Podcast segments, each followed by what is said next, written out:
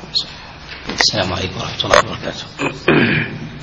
الحمد لله رب العالمين وصلى الله وسلم وبارك على نبينا محمد وعلى آله وأصحابه ومن تبعهم بإحسان إلى يوم الدين. أما بعد فنتكلم على جملة من الأحاديث المتعلقة ب بالصلاة وهي معلولة عند عند العلماء وموضع خلاف في الاعتبار الاعتبار بها. أول هذه الحديث هو حديث أبي هريرة عليه رضوان الله أن رسول الله صلى الله عليه وسلم رأى رجلا يصلي وهو مسبل إزاره فأمره رسول الله صلى الله عليه وسلم أن يتوضأ وأن يعيد الصلاة. ثم صلى ثم أمره رسول الله صلى الله عليه وسلم أن يتوضأ وأن يعيد الصلاة. وفي الثالثة قال له رجل يا رسول الله لم نهيته لم نهيته عن الصلاة وأمرته أن يتوضأ وأن يعيد الصلاة فقال رسول الله صلى الله عليه وسلم إنه صلى وهو مسبل ولا صلاة لمسبل لمسبل إزارة. هذا الحديث أخرجه أبو داود في كتابه في كتابه السنن. وهو من مفاريد أبي داود في السنن من حديث أبان بن يزيد العطار عن يحيى بن أبي كثير عن أبي جعفر المدني عن عطاء بن يسار عن أبي هريرة عن رسول الله صلى الله عليه وسلم. وهذا الحديث معلول بعدة بعدة علل منها علل إسنادية ومنها علل متنية. أما العلل الإسنادية فإن هذا الحديث فإن هذا الحديث تفرد به أبو جعفر المدني عن عطاء بن يسار عن أبي هريرة. عن رسول الله صلى الله عليه وسلم وأبو جعفر المدني لا تعرف حاله. أبو جعفر المدني لا تعرف حاله. ومثل هذا المتن جليل القدر الذي تضمن حكما عظيما ينبغي ألا يتفرد به مثله وهذه علة أخرى. فالعلة الأولى هي جهالة أبي جعفر المدني والعلة الثانية هي تفرده بمثل هذا الخبر. وذلك أن الجهالة في ذاتها ليست علة. ليست علة يرد بها الحديث على الدوام وإنما هي علة غالبة ولكن قد يصحح أو يحسن الحديث وفيه راو مقل أو مستور وربما كان مجهولا من جهة حاله لاحتفاء في جملة من القرائن القرائن بمرويه تدل على قبول على قبول الخبر. ولكن مثل هذا المعنى معنى جليل القدر فينبغي ألا يتفرد به به مثله. وأبو جعفر المدني كما تقدم فإنه لا يعرف وبعضهم قد جعله ومحمد بن علي بن الحسين وهو الباقر. وفي هذا نظر وفي هذا نظر ذكر ذلك بعض المحدثين. وأبو جعفر المدني يروي عن عطاء وأما بالنسبة للباقر فله رواية عن أبي هريرة عليه عليه رضوان الله. وهذا الحديث معلول أيضا بعلة أخرى إسنادية وهي العلة الثالثة أنه وقع في إسناده اضطراب. وقع في إسناده اضطراب. فتارة يجعل من مسند أبي هريرة وتارة يقال عن رجل صحب رسول الله صلى الله عليه وسلم. فقد رواه أبان بن يزيد العطار عن يحيى بن أبي كثير عن أبي جعفر المدني عن عطاء عن أبي هريرة فجعله من مسند أبي هريرة. خولف في ذلك. رواه هشام الدستوائي عن يحيى بن أبي كثير عن أبي جعفر عن عطاء عن رجل صحب رسول الله صلى الله عليه وسلم.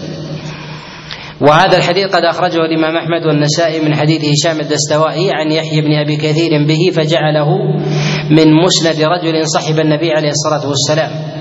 وهذه وهذا اعلال ووجه الاعلال فيه مع أن الصحابي ثقة وعدل وإن كان مجهولا أن الأئمة يجعلون التردد في معرفة الراوي علامة على عدم ضبط الخبر علامة على عدم ضبط الخبر خاصة إذا كان فيه راوي هو مظنة الإعلال كحال أبي جعفر المدني.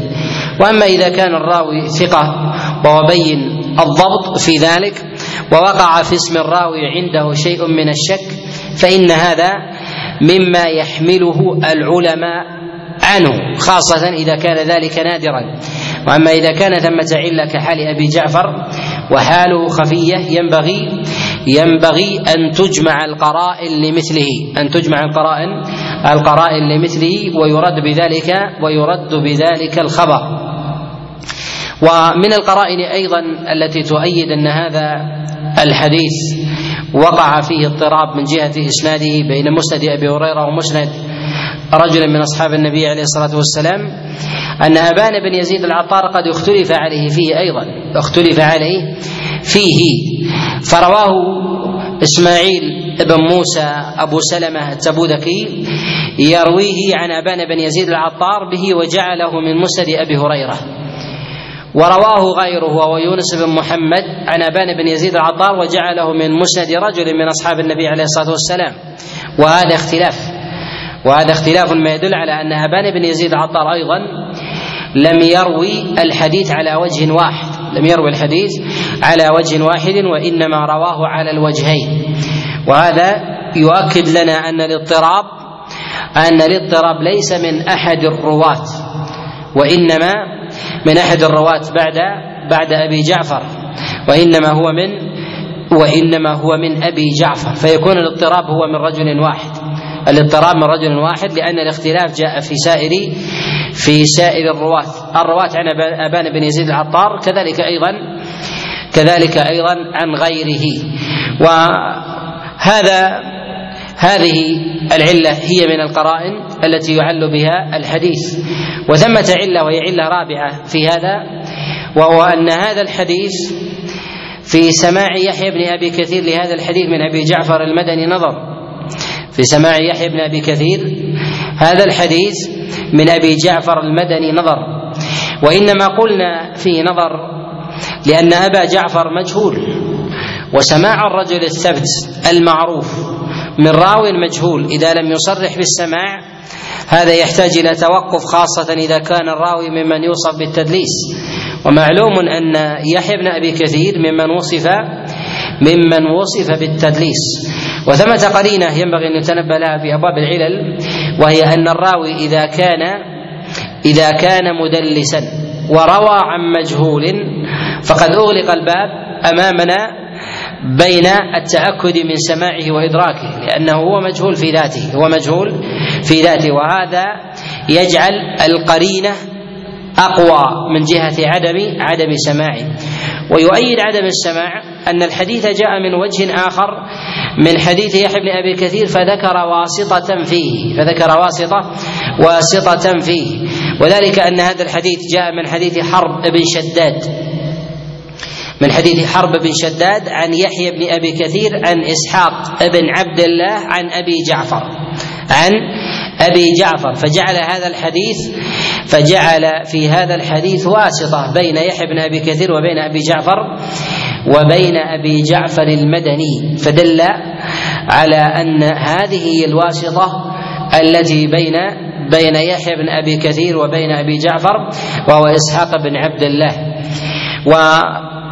ويحيى بن أبي كثير ممن وصف بالتدليس والتدليس يثبت بأمور منها أن ينص أحد من الأئمة المعتبرين على أن هذا الراوي قد دلس في هذا الحديث ممن قارب زمنه أو عرف حاله أو وقف على شيء من مرويه وكتبه كالنقاد الأوائل كأحمد وابن المديني وابن معين والبخاري ومسلم وأبي داود والترمذي وأضراب هؤلاء من الأئمة فإن هؤلاء قد وقفوا على كثير من الوجوه وهم أضبط لصيغ السماع من غيرهم. ومن وجوه أيضا ثبوت التدليس أيضا أن يأتي الحديث من وجهين وجه فيه واسطة ووجه ليس فيه فيه واسطة فيه واسطة. وإذا جاء الوجهين والراوي ممن وصف بالتدليس فهذا قرينة على أنه على أنه دلس دلس فيه. ومن القرائن أيضا أن أبا جعفر المدني رجل مجهول ويروي عنه يحيى ابن أبي كثير.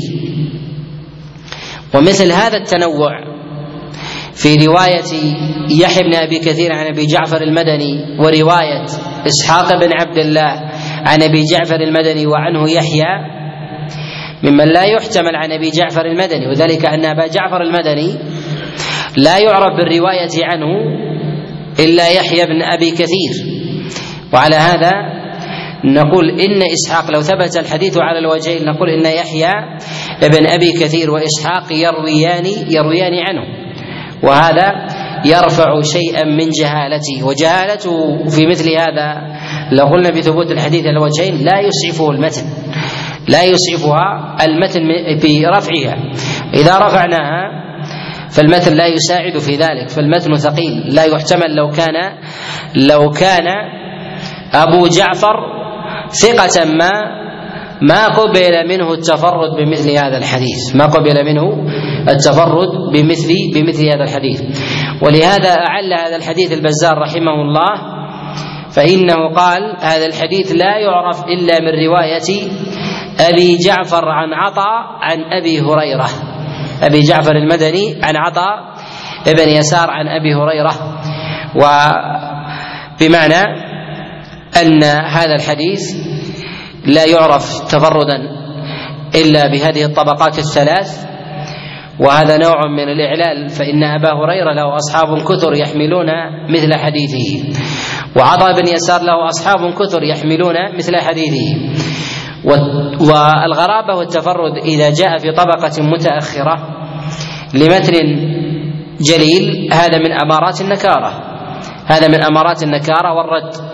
وكلما تأخر الطبقة المتفرد دل هذا على عدم قبول مرويه. دل على عدم قبول المروي. لماذا؟ لأنه كلما طبق كلما تأخرت طبقة الراوي الذي تفرد بهذا الحديث زاد احتمال كثرة السماع. كثرة السماع. وأما إذا كان متقدما فوفرة السماع احتمالها أضعف من ذلك. وإذا تأخر في طبقة متأخرة أن يكون من أتباع التابعين أو من بعدهم يعني أن الحديث قد شاع وانتشر فكل عام يمر عليه يزيد احتمالا من من التحديد به. فلماذا يتفرد به في الطبقة الأولى ثم الثانية ثم الثالثة ثم يأتي بعد ذلك؟ راو يتفرد به ويكون أيضا مجهولا ويكون هذا الراوي مجهولا وهذا من قرائن وهذا من قرائن من قرائن النكارة. ومن ومن وجوه الإعلال في هذا الحديث متنا الإشارة في هذا الحديث إلى نقض الوضوء من الإسبال. الإشارة إلى نقض الوضوء من من الإسبال. فإن النبي عليه الصلاة والسلام قال اذهب فتوضأ. وصلى مسبل. ونقض الوضوء من الإسبال ينبغي ألا يرد بمثل هذا الحديث ولا بأحسن منه بطبقات إذا تفرد لا يحتمل منه لا يحتمل منه هذا. وذلك أننا إذا قلنا أن الإسبال إذا قلنا إن الإسبال ناقض فيلزم من هذا اشتهار الحديث ككثير من النواقض. لأن الناقض إذا ثبت النقضان دل على دل على أن النقض يقع ولو بالشيء اليسير. فما من أحد إلا ويقع منه إسبال ولو من غير عمد. كحال الإنسان إذا كان يلبس ثوبا ثم جلس أو أراد تهيأ إلى الجلوس أو شيء من الانحناء أو نحو ذلك فهذا فهذا إسبال يسير. والنقض يقع في الحكم في القليل والكثير. في القليل والكثير. ثم أيضا إن نقض الوضوء بالإسبال لا يتعلق به الحكم في الصلاة لا يتعلق به الحكم في الصلاة. وهنا في ظاهره أنه أمره حينما رآه يصلي حينما رآه يصلي فدل على أن النكارة النكارة هنا أظهر فلا يوجد ناقض للوضوء وللصلاة لا يقع إلا في الصلاة إلا في مثل هذه الحالة. فدل على أن التفرد بمثل ذلك بمثل هذا المتن مما لا يقبل عند مما لا يقبل عند المحدثين. وهو أمر وهو أمر منكر. ومن وجوه النكارة أيضا في هذا أن الإسبال مبطل للصلاة وهذا وهذا منكر أيضا. وهذا منكر أيضا. وإنما قدمنا مسألة نقضان الوضوء من الإسبال على نقضان الصلاة أو بطلان الصلاة من من الإسبال. أن نقضان الوضوء في ذلك ينبغي أن يشتهر أكثر. لماذا؟ لأن الصلاة قد يؤمر الإنسان بإعادتها بشيء من المكروهات وينص العلماء على هذا. أما بالنسبة للوضوء فلا. إذا توضأ الإنسان وصح منه الوضوء لا يقال استحب الإنسان أن أن تعيدها لماذا؟ لأي شيء مما قصر فيه الإنسان إما من استحضار النية على سبيل الدوام أو فوات الذكر أو نحو ذلك. وأما بالنسبة للصلاة فالعلماء يحثون على إعادتها في أحوال حتى لو كانت حتى لو كانت يسيرة. كان الإنسان يصلي خلف الإمام ولم يعقل من صلاته ولم يعقل من صلاته شيئا. أو أن الإنسان شك وهو مأموم فكثير من الصور يؤمر المصلي بأن يعيد وأما بالنسبة للمتوضئ فلا. ومما يدل على أن ثبوت النقض إذا ثبت ينبغي أن يكون شديدا. ينبغي أن يكون أن يكون شديدا. كذلك أيضا من الوجوه في هذا أن بطلان الصلاة بالإسبال لو قلنا به ولا نقول به أيضا هو أقرب إلى القبول من نقضان الوضوء. لماذا؟ لأن الإنسان قد ستر عورته بمحرم بخلاف الوضوء. فلا شأن له بذلك. فلا شأن للوضوء لوضوء المسلم بهذا باعتبار أن الإنسان مأمور بستر عورته وهو من شروط الصلاة. فإذا ستر عورته بإسبال قد ستر عورته بأمر محرم. وهذا وهذا يجريه بعض العلماء على قاعدة النهي يقتضي الفساد ويقتضي البطلان ويجعلون ذلك كحال الإنسان الذي يصلي في الأرض المغصوبة أو يصلي بثوب مسروق أو مغصوب فيستر عورته بذلك.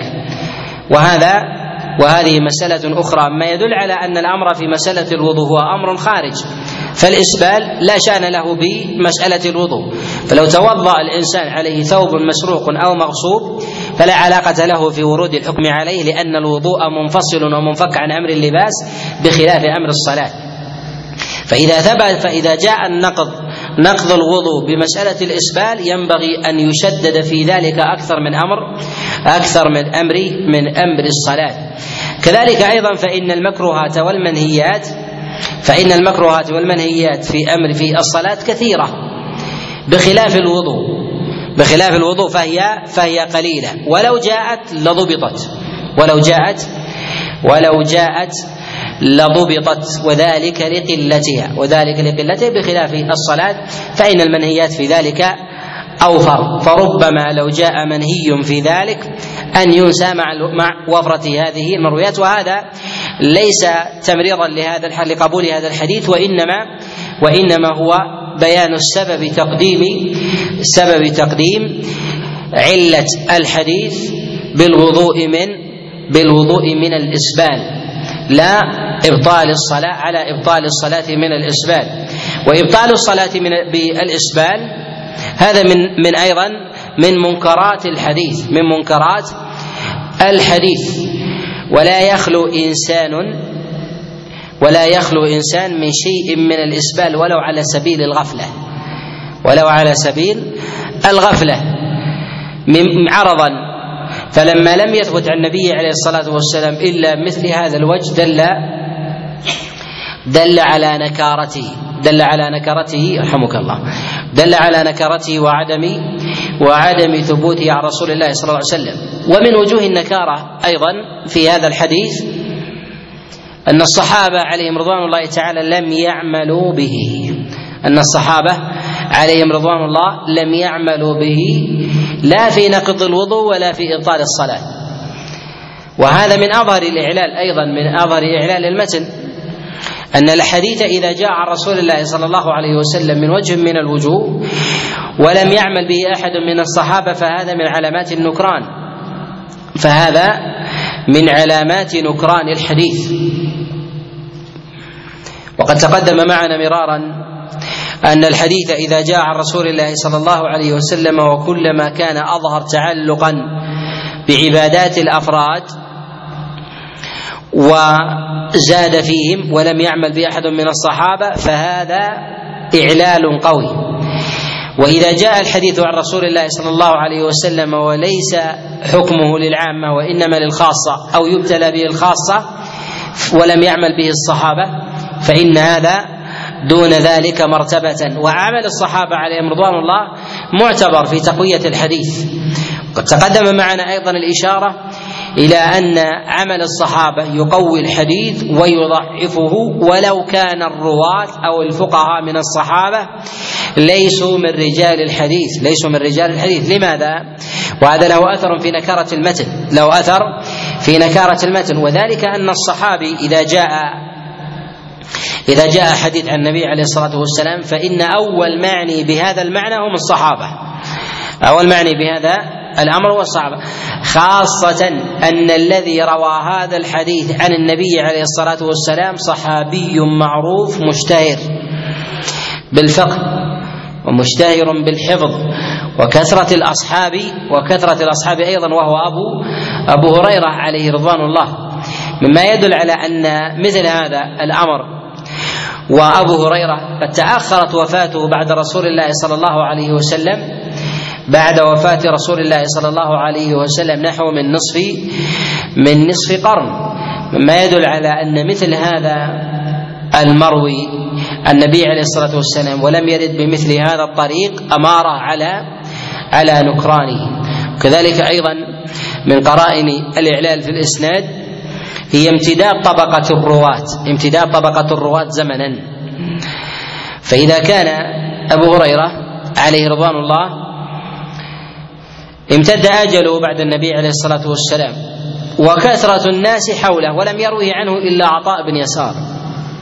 وعطاء بن يسار امتد أجله أيضا بعد ذلك ولم يروي عنه إلا أبو جعفر المدني.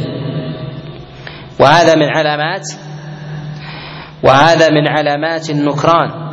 تقدم معنا الإشارة إلى شيء من من أمثال هذه هذه العلل. شيء من هذه العلل. من يذكر شيء منها؟ في الزمن نعم. لا في الزمن. نعم. أين الأصحاب والطلاب الخواص؟ لا لا. أعطني شيء محدد. مثال أوردناه. في هذا. حديث أبي هريرة عليه رضوان الله في مسألة من ذرعه القي من ذرعه القي يرويه أبو هريرة ويرويه عن أبي هريرة محمد بن سيرين ويرويه عن محمد بن سيرين هشام بن حسان. هشام محمد بن سيرين ويرويه عن محمد هشام بن حسان. هذا الحديث بقي أبو هريرة بعد وفاة النبي عليه الصلاة والسلام زمنا وبقي محمد بن سيرين بعد وفاة أبي هريرة عليه رضوان الله نحو من نصف قرن لم يحدث به إلا هشام بن حسان. وهذا دليل على ماذا؟ محمد بن سيرين فقيه والناس ترد إليه ومثل هذا المتن يتعلق بركن من أركان الإسلام يكتمه نصف قرن. لا يحدث به إلا واحد إلا أن فيه عدم رضا عن هذا الحديث. فيه عدم عدم رضا عن هذا الحديث. بل ينبغي لو كان له سنة أو سنتين أو ثلاث أن يحدث به إلى خمسة أو عشرة ويرويه عنه ويستفيض. وهذا من العلل التي قلما من يشير إليه أو لا يكاد يشار إليه أن مسائل الزمن بين الرواة لها أثر في الاعلال إذا كان إذا كان الحديث مما يشتهر عادة. إذا كان مما يشتهر مما يشتهر عادة. فإذا تاخرت تأخرت الوفاة بين الاثنين فكلما زادت ينبغي أن يطلب المزيد من الرواة.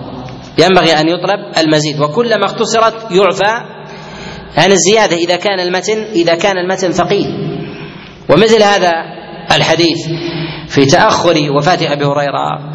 وامتداد أيضا عطاء بن يسار بعد ذلك. هذا أمارة على أن الحديث أصلا إما أن يكون مركب أو وهم في, وهم في متنه فروي على غير على غير وجهه.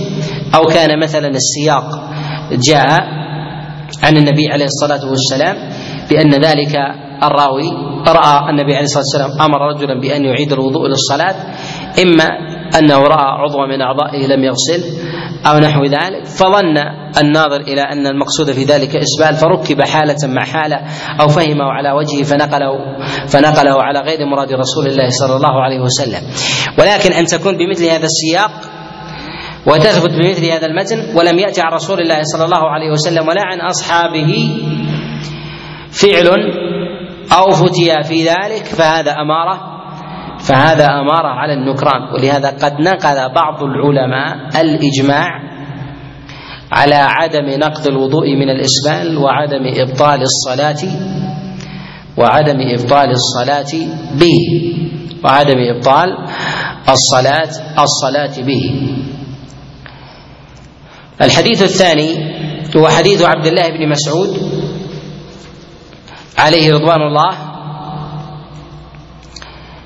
أنه قال قال رسول الله صلى الله عليه وسلم من صلى وهو مسبل إزارة فليس من الله في حل في حلال ولا حرام. هذا الحديث رواه أبو داود رواه أبو داود في كتابه السنن. وتفرد بروايته. وعنه رواه البيهقي من حديث أبي عوانة عن الأحول عن أبي عثمان عن عبد الله بن مسعود مرفوعا.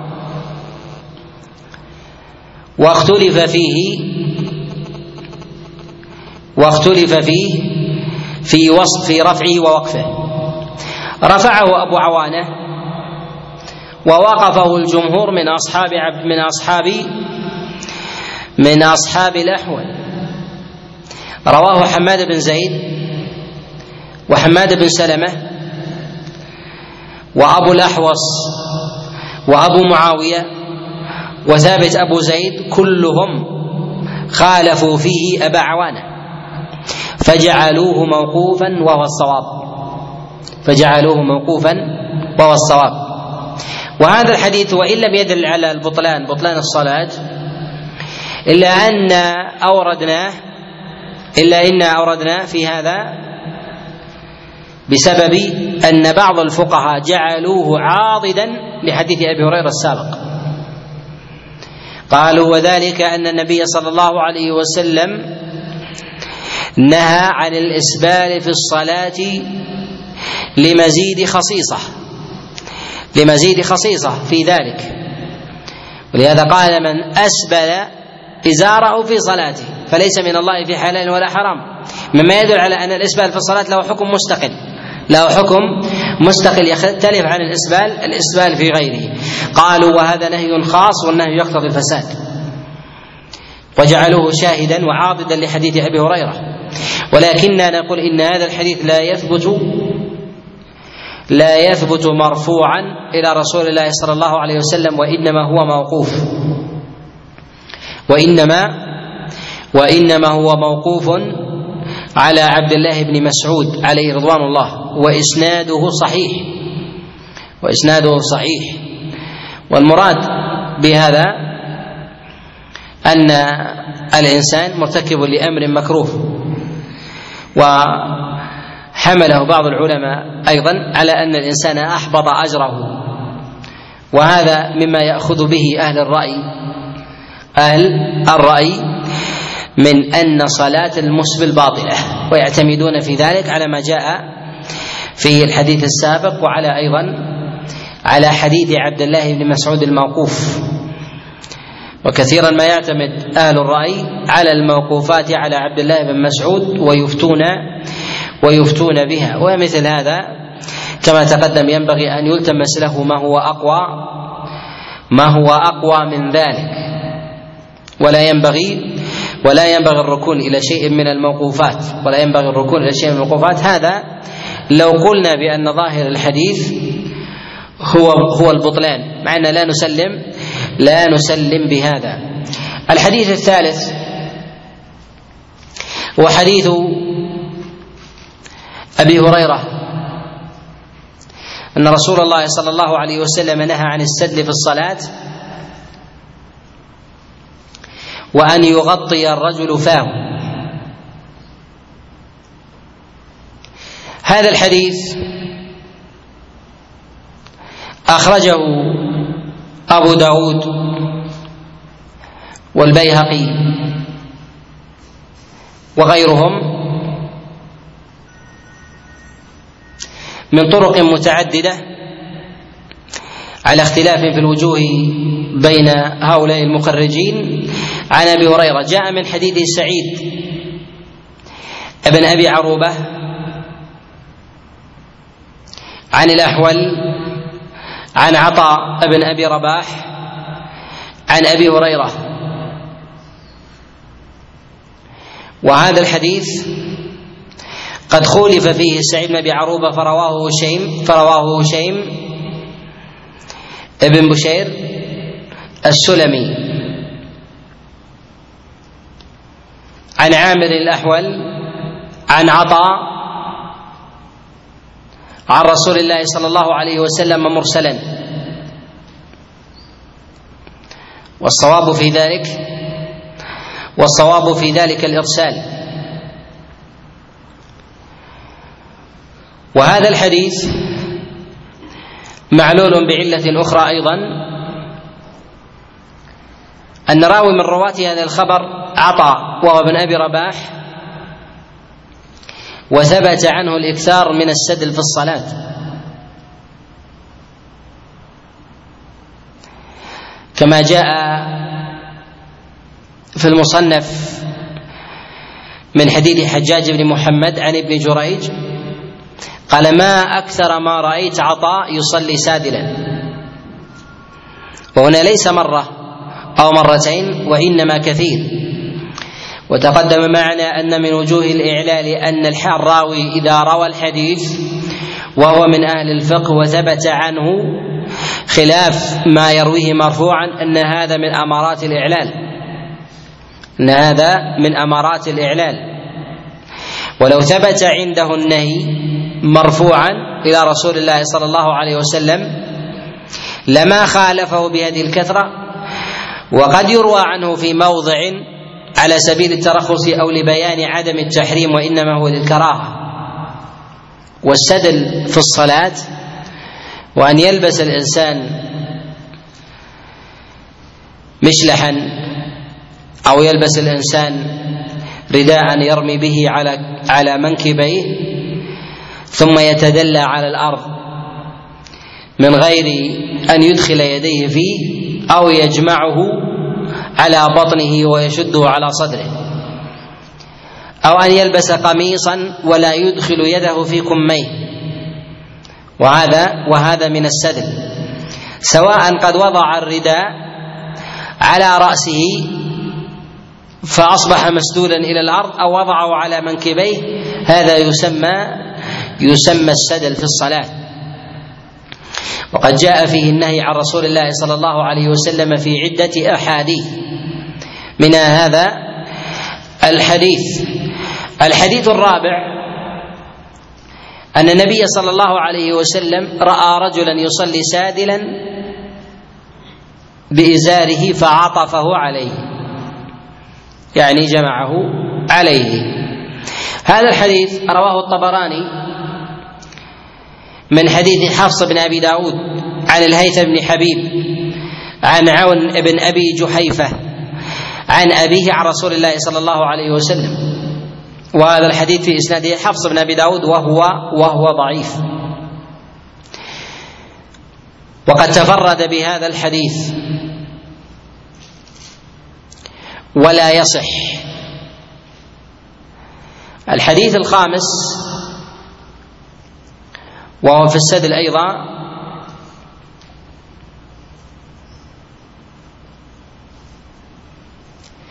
جاء من حديث سفيان الثوري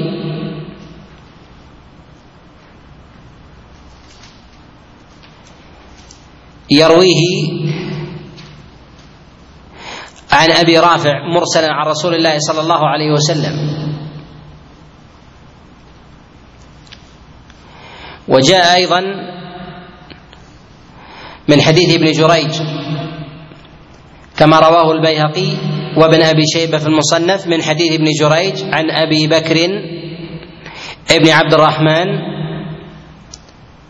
عمن حدثه عن رسول الله صلى الله عليه وسلم. وهذا مرسل أيضا ولا يثبت. قال ابن المنذر رحمه الله لا يثبت في النهي عن السدل عن رسول الله صلى الله عليه وسلم حديث. وجاء عند ابن عدي في الكامل وعند البيهقي أيضا من حديث عسل بن سفيان. عن عطاء عن أبي هريرة أن رسول الله صلى الله عليه وسلم نهى عن السد في الصلاة. وعسل بن سفيان ضعيف الحديث ضعفه يحيى بن معين والنسائي. وقال البخاري يروي المناكير أو له مناكير. وهذا طبعا وهذا من مفاريده وهو من هذه المناكير التي أشار إليها البخاري.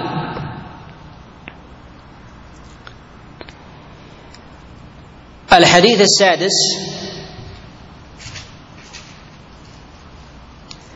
وحديث عبد الله بن مسعود عليه رضوان الله أنه كره السدل.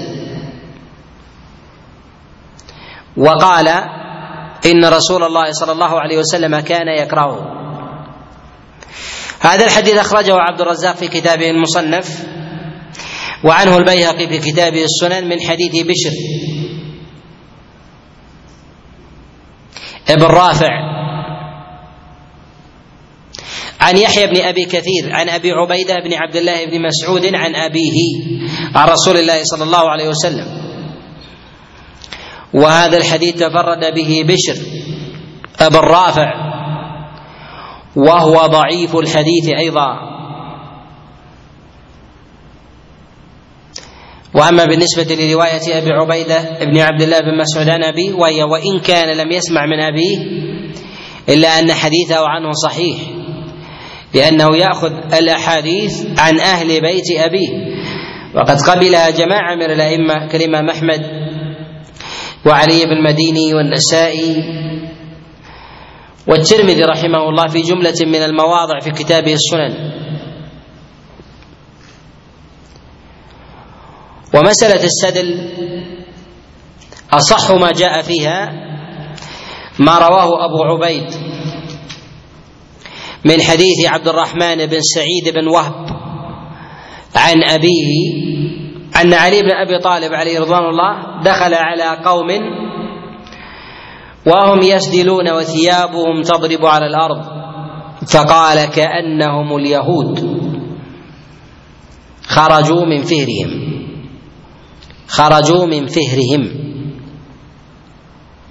وهذا الحديث عن علي بن أبي طالب صحيح الإسناد وهو أصح شيء جاء في النهي عن السدل في الصلاة.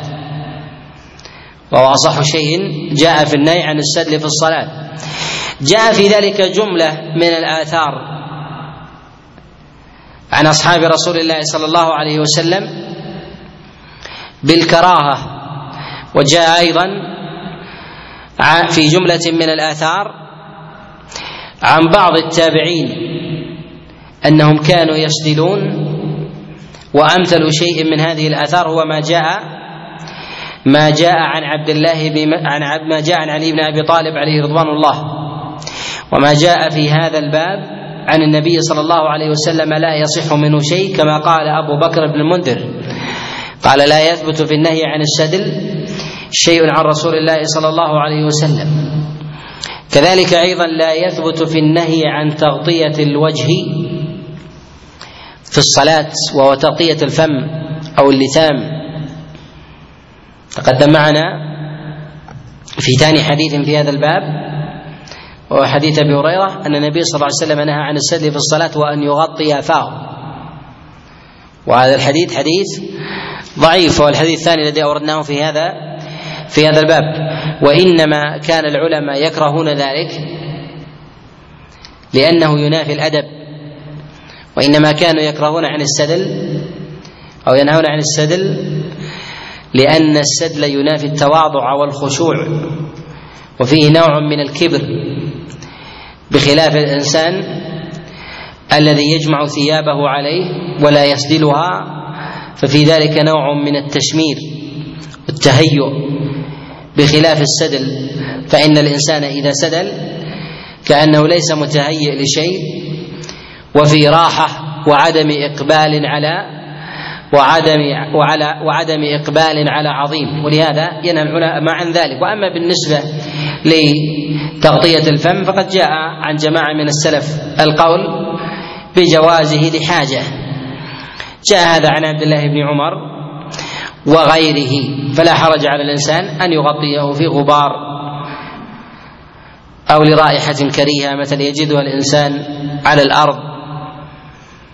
أو نحو ذلك أو به مرض أو حساسية فإنه لا حرج على الإنسان أن يغطي أن يغطي فمه في الصلاة أو أنفه وصلاته في ذلك في ذلك صحيح. نكتفي بهذا القدر ونكمل في مجلس سابق بإذن الله. والله أعلم وصلى الله وسلم وبارك على نبينا محمد.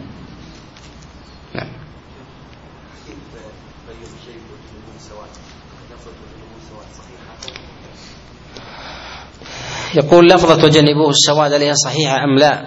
الحديث رواه الإمام مسلم في كتابه الصحيح من حديث عبد الملك عن أبي الزبير عن جابر وقد تبع فيها عبد الملك تابعه أيوب عن أبي الزبير عن جابر بن عبد الله وذكرها وجاء في بعض الروايات جعل بعض العلماء يشكك فيها أن أبا الزبير وهو راويها عن جابر بن عبد الله سئل عنها فتردد.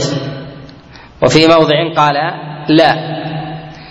وقد جاء في ذلك عن الإمام أحمد رحمه الله القول بإدراجها. والله أعلم. نعم.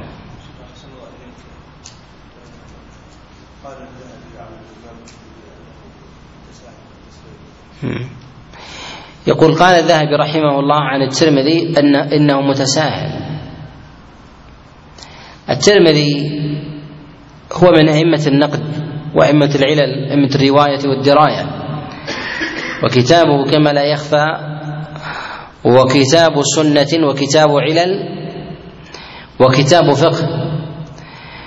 وأما بالنسبة لوصفه بالتساهل فلا أعلم من سبق الذهبي رحمه الله إلى هذا الوصف.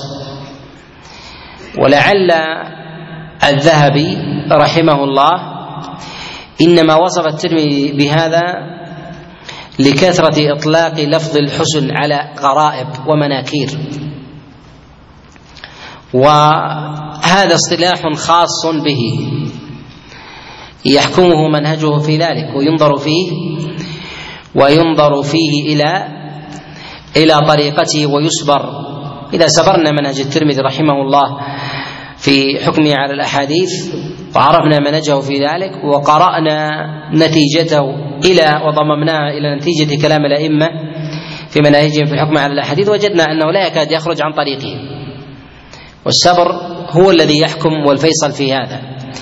فإذا كان الإنسان مصطلح في هذا يطلقه لا يطلقه غيره والمراد في ذلك واحد عند الأئمة فإن هذا لا ينبغي أن نجعل كلام الأئمة على معنى متغاير متضاد.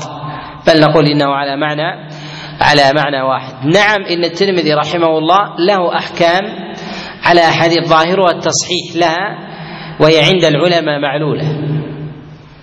ولكن نقول هذا في الشيء النادر.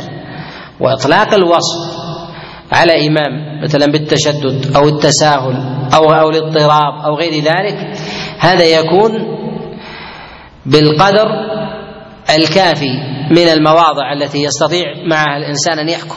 لا على المواضع على المواضع القليلة. والترمذي رحمه الله أجل وأبصر بالعلل من الذهبي مع جلالة قدر الذهبي إلا أن الترمذي أبصر منه وأقعد وأعرف بالرواة وأعرف بكلام الفقهاء. وللترمذي كلام في مسألة أو له منهج في مسألة أحيان التحسين والتصحيح بعمل الفقهاء. ولهذا كثير يقول وهذا قول جمهور العلماء أو عليه العمل. وكثيرا ما تجد أن الأحاديث التي يصححها أنه بعد بعدها وهي معلولة عند جماعة من العلماء وعند جماهيرهم أنه بعدها يعضدها بالعمل. يعضدها بالعمل. وهذا نظر في العلل دقيق عنده رحمه الله. أنه يجعل عمل العلماء كما أن نعل في حال عدم العمل فهو يقوي مع وجود العمل. فهو يقوي مع وجود العمل. وهذا وهذا لا شك أنه وجه جليل وإدراك بصير لمواضع لمواضع العلل في الأحاديث ورفعها. نعم.